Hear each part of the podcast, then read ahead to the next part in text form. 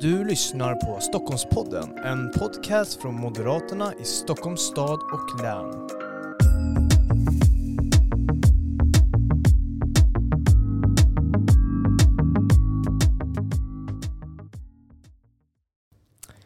Ja, varmt välkomna till eh, ännu ett avsnitt av Stockholmspodden. Det är jättekul att vi fortsätter producera avsnitt varje vecka och denna gång ska vi prata om kanske något lite annorlunda eller vi ska prata med några annorlunda personer. Vi är ju ett en podd för partister, tänkte jag nästan säga, men även muffare. Och idag så ska vi prata med fokus på MUF, då, alltså Moderata ungdomsförbundet.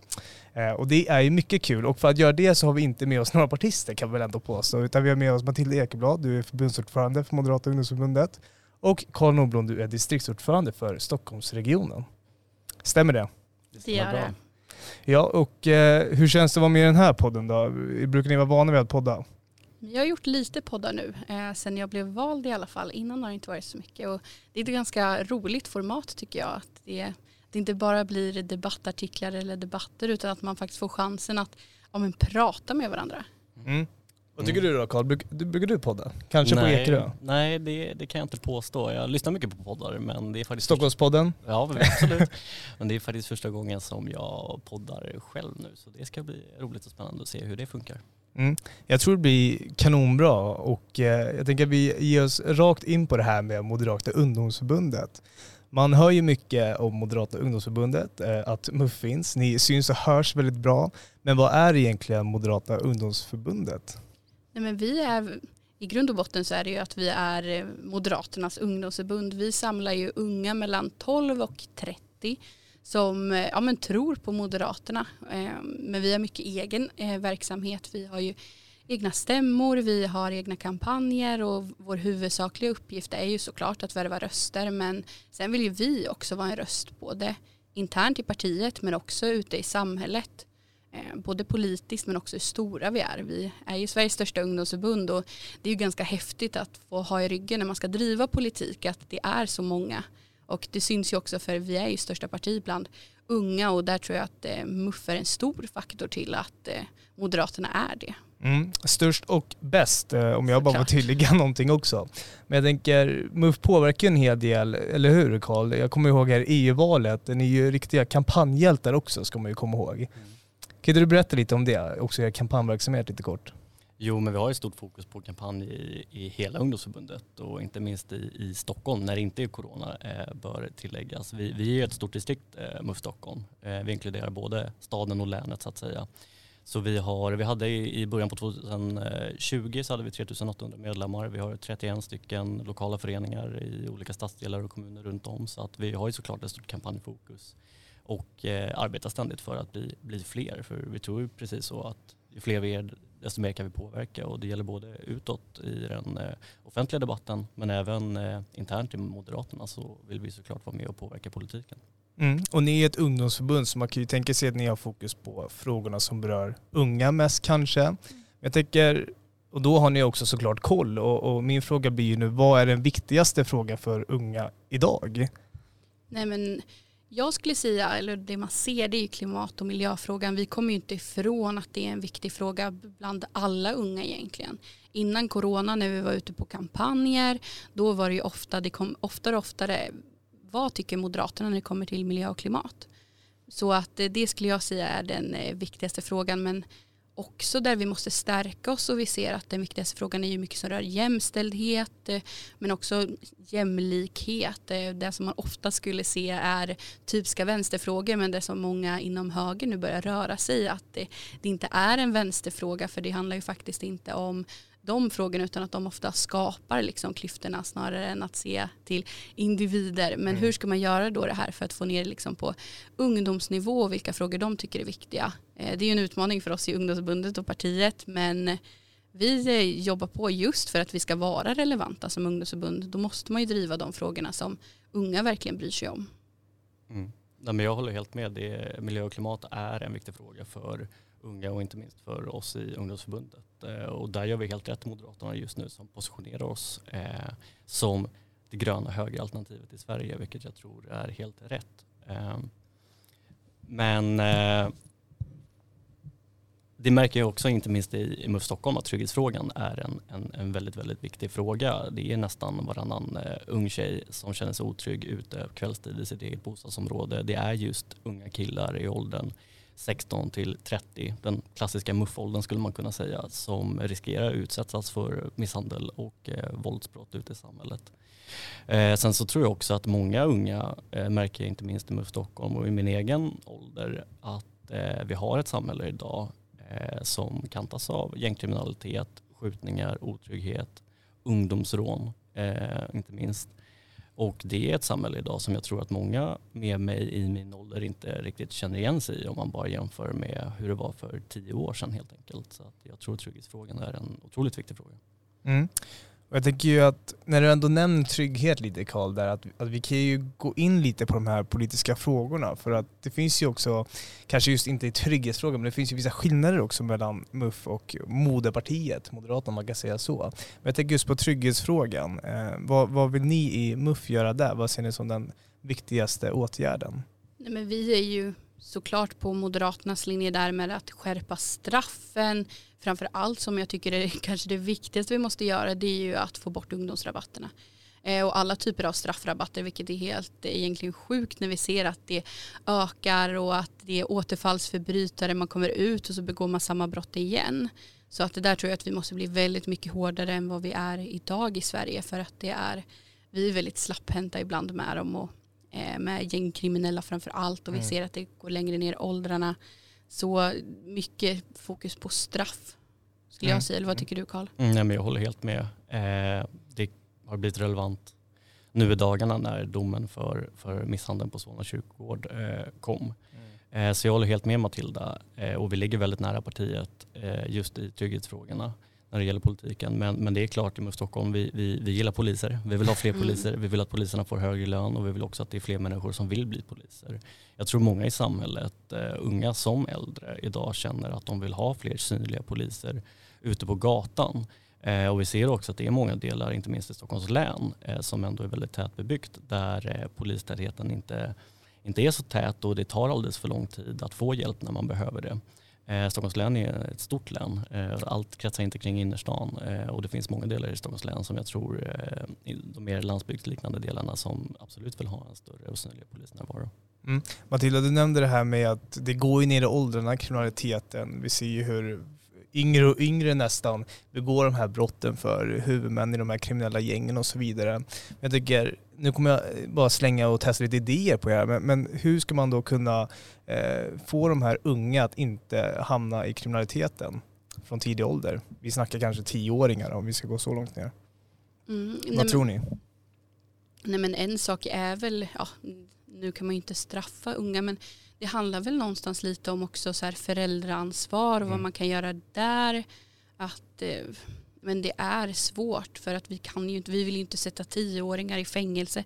Det är ju inte det, men det handlar ju på något sätt hur man ska få en trygg uppväxt. Men vi ser ju ofta att det har mycket med att man måste komma in i samhället, att man eh, måste våga tro på en framtid, att det faktiskt kan bli bra. Att man inte behöver ta den kriminella vägen för att bli rik eller få ett drägligt liv. Utan jag tror att det är mycket liksom framtidshopp som behövs för de här barnen för att man inte ska välja den vägen.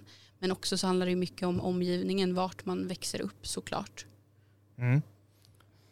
mm. Ja, men jag håller helt med. Alltså, det krävs ju tydliga och starka förebyggande åtgärder i så, så ung ålder eh, som möjligt. Eh, och föräldraansvaret är kan jag väl ändå tycka bristande idag i många delar. Man ser ju en del, all brott är inte grov brottslighet utan mycket handlar ju om stök och bus så att säga, eh, äggkastning på bussar exempelvis och eh, jag tycker att det är ganska påtagligt idag att det är unga i väldigt låga åldrar som är ute och ställer till med stök och bus och kanske utan föräldrarnas mm, kunskap, eller, kunskap.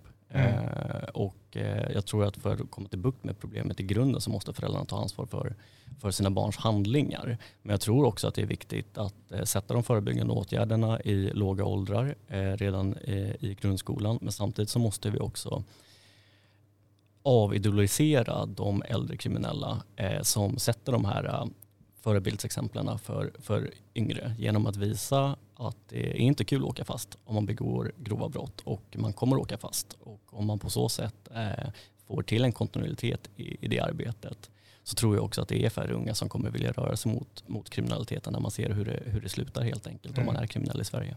Mm. Du var inne lite tidigare på det här med synliga poliser och så vidare. Mm.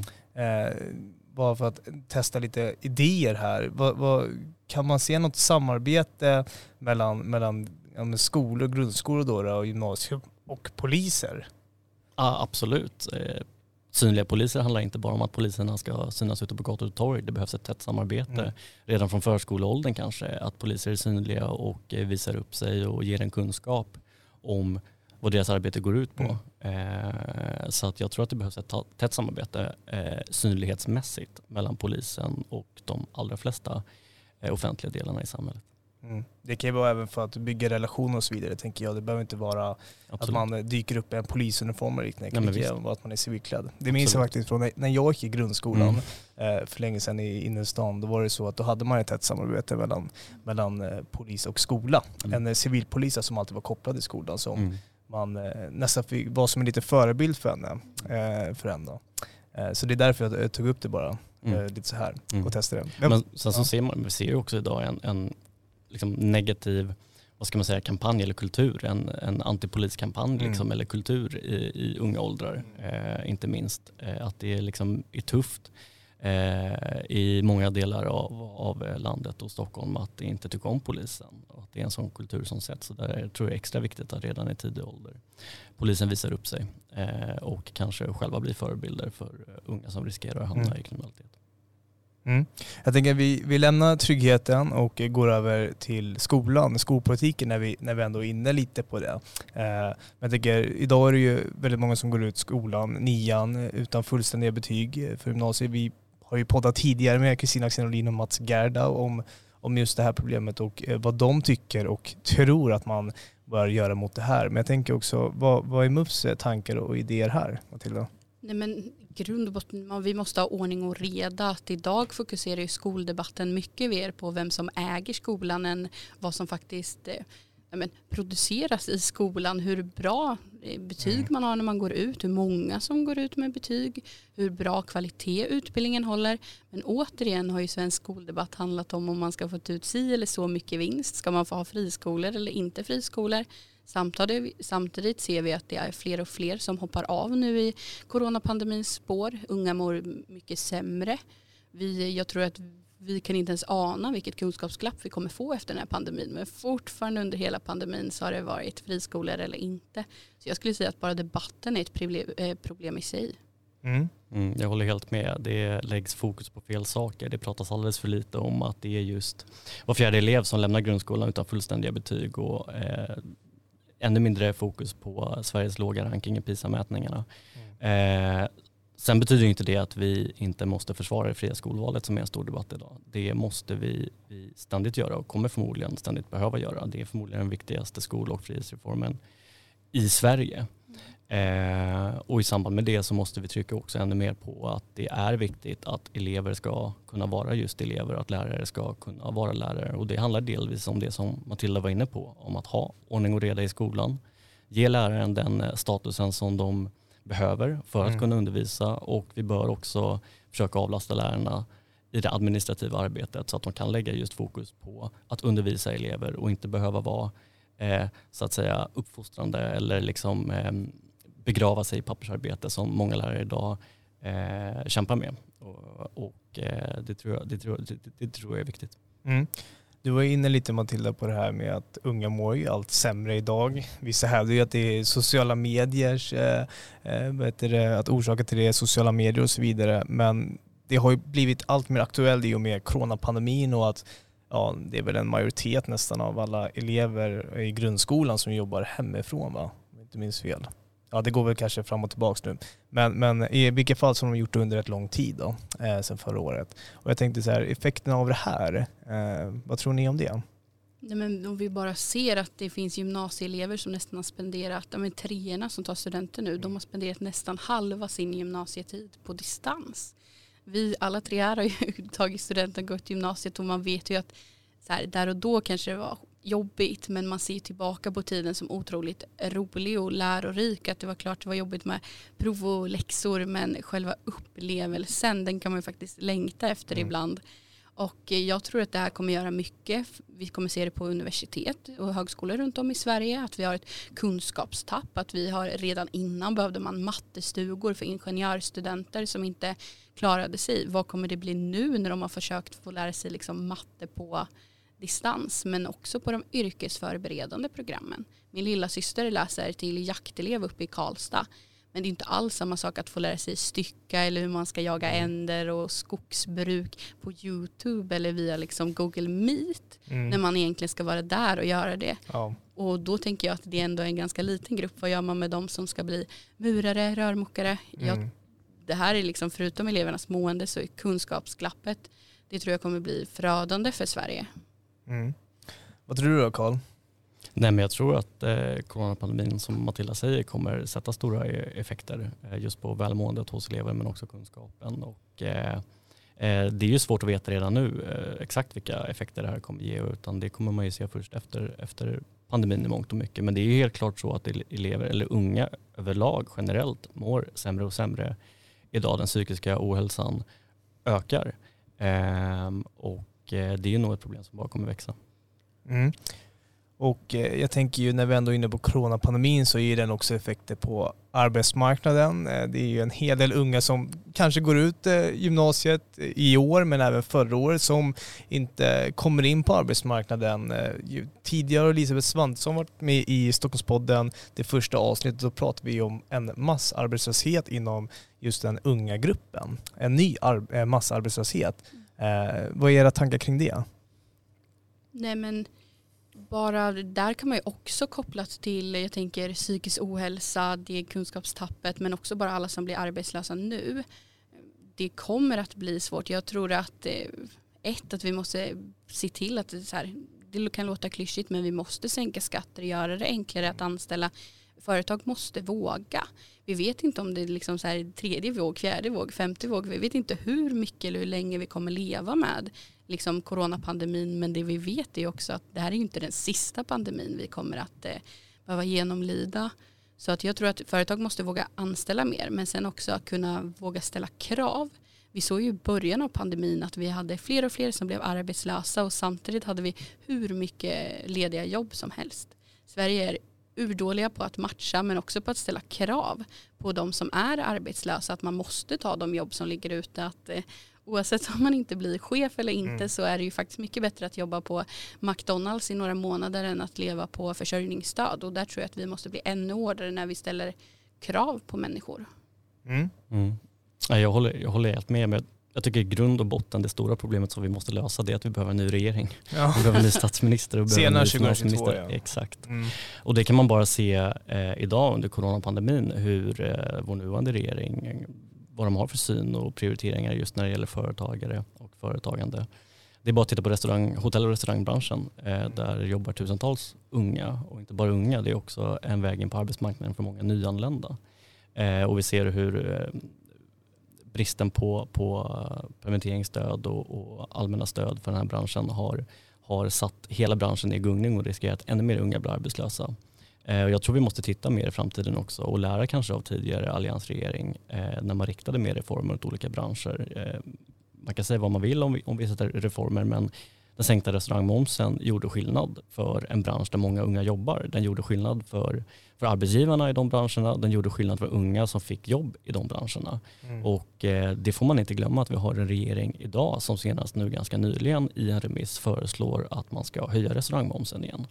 Eh, så att vi behöver en, en ny regering som inte är företagarfientlig. Men, men sen i grundbotten, jag tycker MUF har eh, fantastiskt många bra förslag just gällande arbetsmarknaden. Vi driver ju hårt och har drivit länge att den första halva miljonen ska vara skattefri exempelvis. Och vi behöver hela tiden ha ett skattefokus, sänka skatterna för att skapa mer attraktivitet eh, och ta sig från bidrag till arbetsmarknaden. Och, och lägga fokuset där istället för att hålla på och trolla fram eh, låtsasjobb som vår mm. nuvarande regering gör som inte ger någon större effekt i längden. Mm. Det kommer ju knappt låtsasjobb från regeringens håll. Så är det.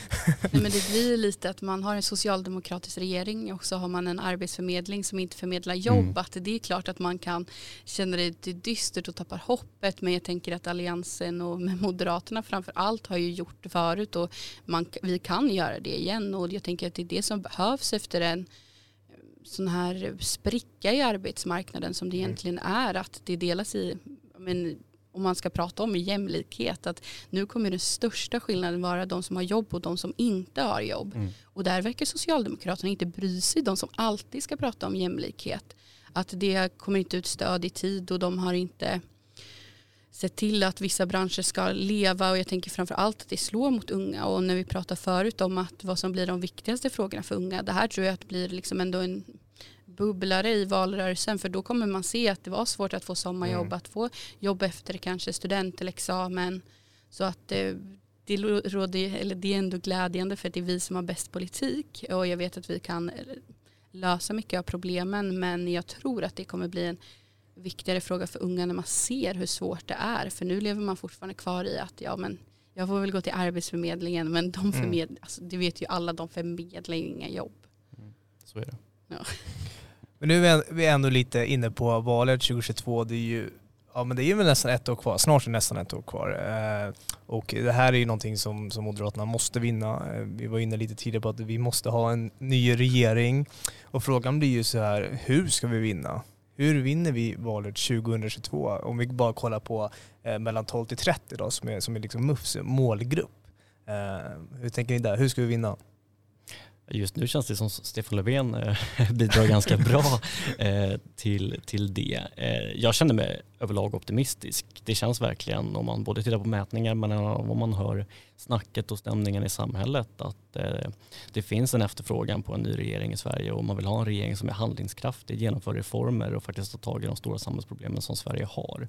Och det vet ju alla vi tre att det är ju eh, Moderaterna, vi måste bara kunna övertyga eh, resten så att säga om det och jag tror att det kommer handla väldigt mycket om, om väljarsamtal. Vi måste om vi har tur, vilket ändå känns som nu, kunna öppna upp samhället igen och ta oss ut på gator och torg och prata politik med, med väljare. Ehm, jag tror både vi som politiskt aktiva men jag tror också väljarna har saknat det väldigt mycket och jag tror också det är väldigt viktigt att vi under kommande valrörelsen har ehm, vad ska man säga, ändå insikten om att man kan inte ta några väljare för givet utan eh, det är ett grovarbete som behövs. Vi måste mobilisera våra kärnväljare och vi måste bredda oss till, till the swing voters så att säga och det gör man bara genom hårt kampanjande och många samtal. Mm. Vad tror du Matilda? Jag tror att vi måste vara, fortsätta vara partiet för hoppfulla. Att vi, inte, vi får inte bli naiva för de samhällsproblem som vi står inför. Men jag tror att eh, svenska befolkningen vill ha ett hopp att så här, tappa inte hoppet utan byt regering istället. Att saker kan bli bättre för att just nu allt vi har tagit upp idag det har varit ungdomsarbetslöshet, att skolan fungerar inte, det är coronapandemin, många mår dåligt. Jag tror att man vill rösta på ett parti som visar att, så här, ja, men som Ulf och Elisabeth nu, att vi har kraft att leda Sverige att vi kan göra saker bättre. Vi kan vända klimatförändringar, vi kan lösa ungdomsarbetslöshet. Vi vill bura in gängkriminella, vi vill jobba förebyggande för alla de unga som håller på att komma in i kriminalitet. Jag tror att vi måste vara tydliga med att vi är det hoppfulla alternativet. För det är så som jag i alla fall märker att de unga vill ha. Vi ser att unga idag tappar hoppet mer och mer jämfört bara för ett, två år sedan. Mycket beror ju på coronapandemin men jag skulle säga att eh, MUF alltid ska vara som ett ljus i mörker och att eh, alltid vara tydliga med vårt budskap att som sagt tappa inte hoppet utan byt regering istället. Mm. Mm. Tappa inte hoppet, byt regering. Det var ju väldigt bra slogan nästan, eh, kanske för en kommande MUF-valrörelse, eller? Vi får se helt enkelt. Eh, men jag tänker att vi, vi ska väl inte hålla på allt för länge här utan vi kanske nästan ska sätta punkt vid där för det var ju nästan en snygg avslutning. Men jag tycker ni ska ju få eh, säga något avslutande ord också, kanske varför man ska bli medlem i MUF. Vi kan börja med dig Karl. Ja, men man ska absolut bli medlem i MUF om man har ett intresse för politik eller samhällsfrågor generellt och framförallt om man vill lära sig mer. Jag tror många har bilden av att bli medlem i ett politiskt parti eller ett politiskt ungdomsförbund så måste man eh, kunna väldigt mycket och vara väldigt, väldigt insatt. Men det behöver man inte utan det kommer med tiden och man lär sig på, vä på vägen så att säga. Eh, men sen tycker jag absolut att man ska gå med i MUF, slå ett extra slag här för det är Stockholmspodden i MUF Stockholm, eh, för att om man vill påverka. För vi kan påverka, det har vi visat på många partistämmor och förbundsstämmor tidigare att ungdomsförbundet kan påverka Moderaternas politik och, och det är inte omöjligt att som en ung kille eller tjej i en kranskommun till Stockholms stad engagera sig i sitt lokala eh, kommunfullmäktige, få nämndplatser och faktiskt kunna, kunna driva eh, eh på för förändring. Eh, men det är också viktigt tror jag att vara medveten om att politik ehm, går inte snabbt eh, utan det tar lång tid och eh, det är en seg process. Och jag tror att det är viktigt för många unga som, som börjar engagera sig politiskt att ha med sig. Man kan ha bilden av att man, man vill komma in och göra snabba förändringar och, och, och vända upp och ner på, på saker. Men eh, man måste vara medveten om att det tar lång tid. Det är tröga byråkratiska processer, speciellt i kommunpolitiken. Och eh, det går, trots det så går det att påverka och förändra men då måste man också ha tålamod och lära sig hur man gör det. Mm. Bra utläggning. Vad är sista ord från dig då Matilda? Nej, men det är klart att det kan ta lång tid men om du är ihärdig och håller i eller du kommer in med extra energi att allt är egentligen möjligt. Att eh, vi ser nu att eh, unga demonstrerar för både det ena med det tredje, man stämmer staten för att man inte gör tillräckligt för klimatförändringarna.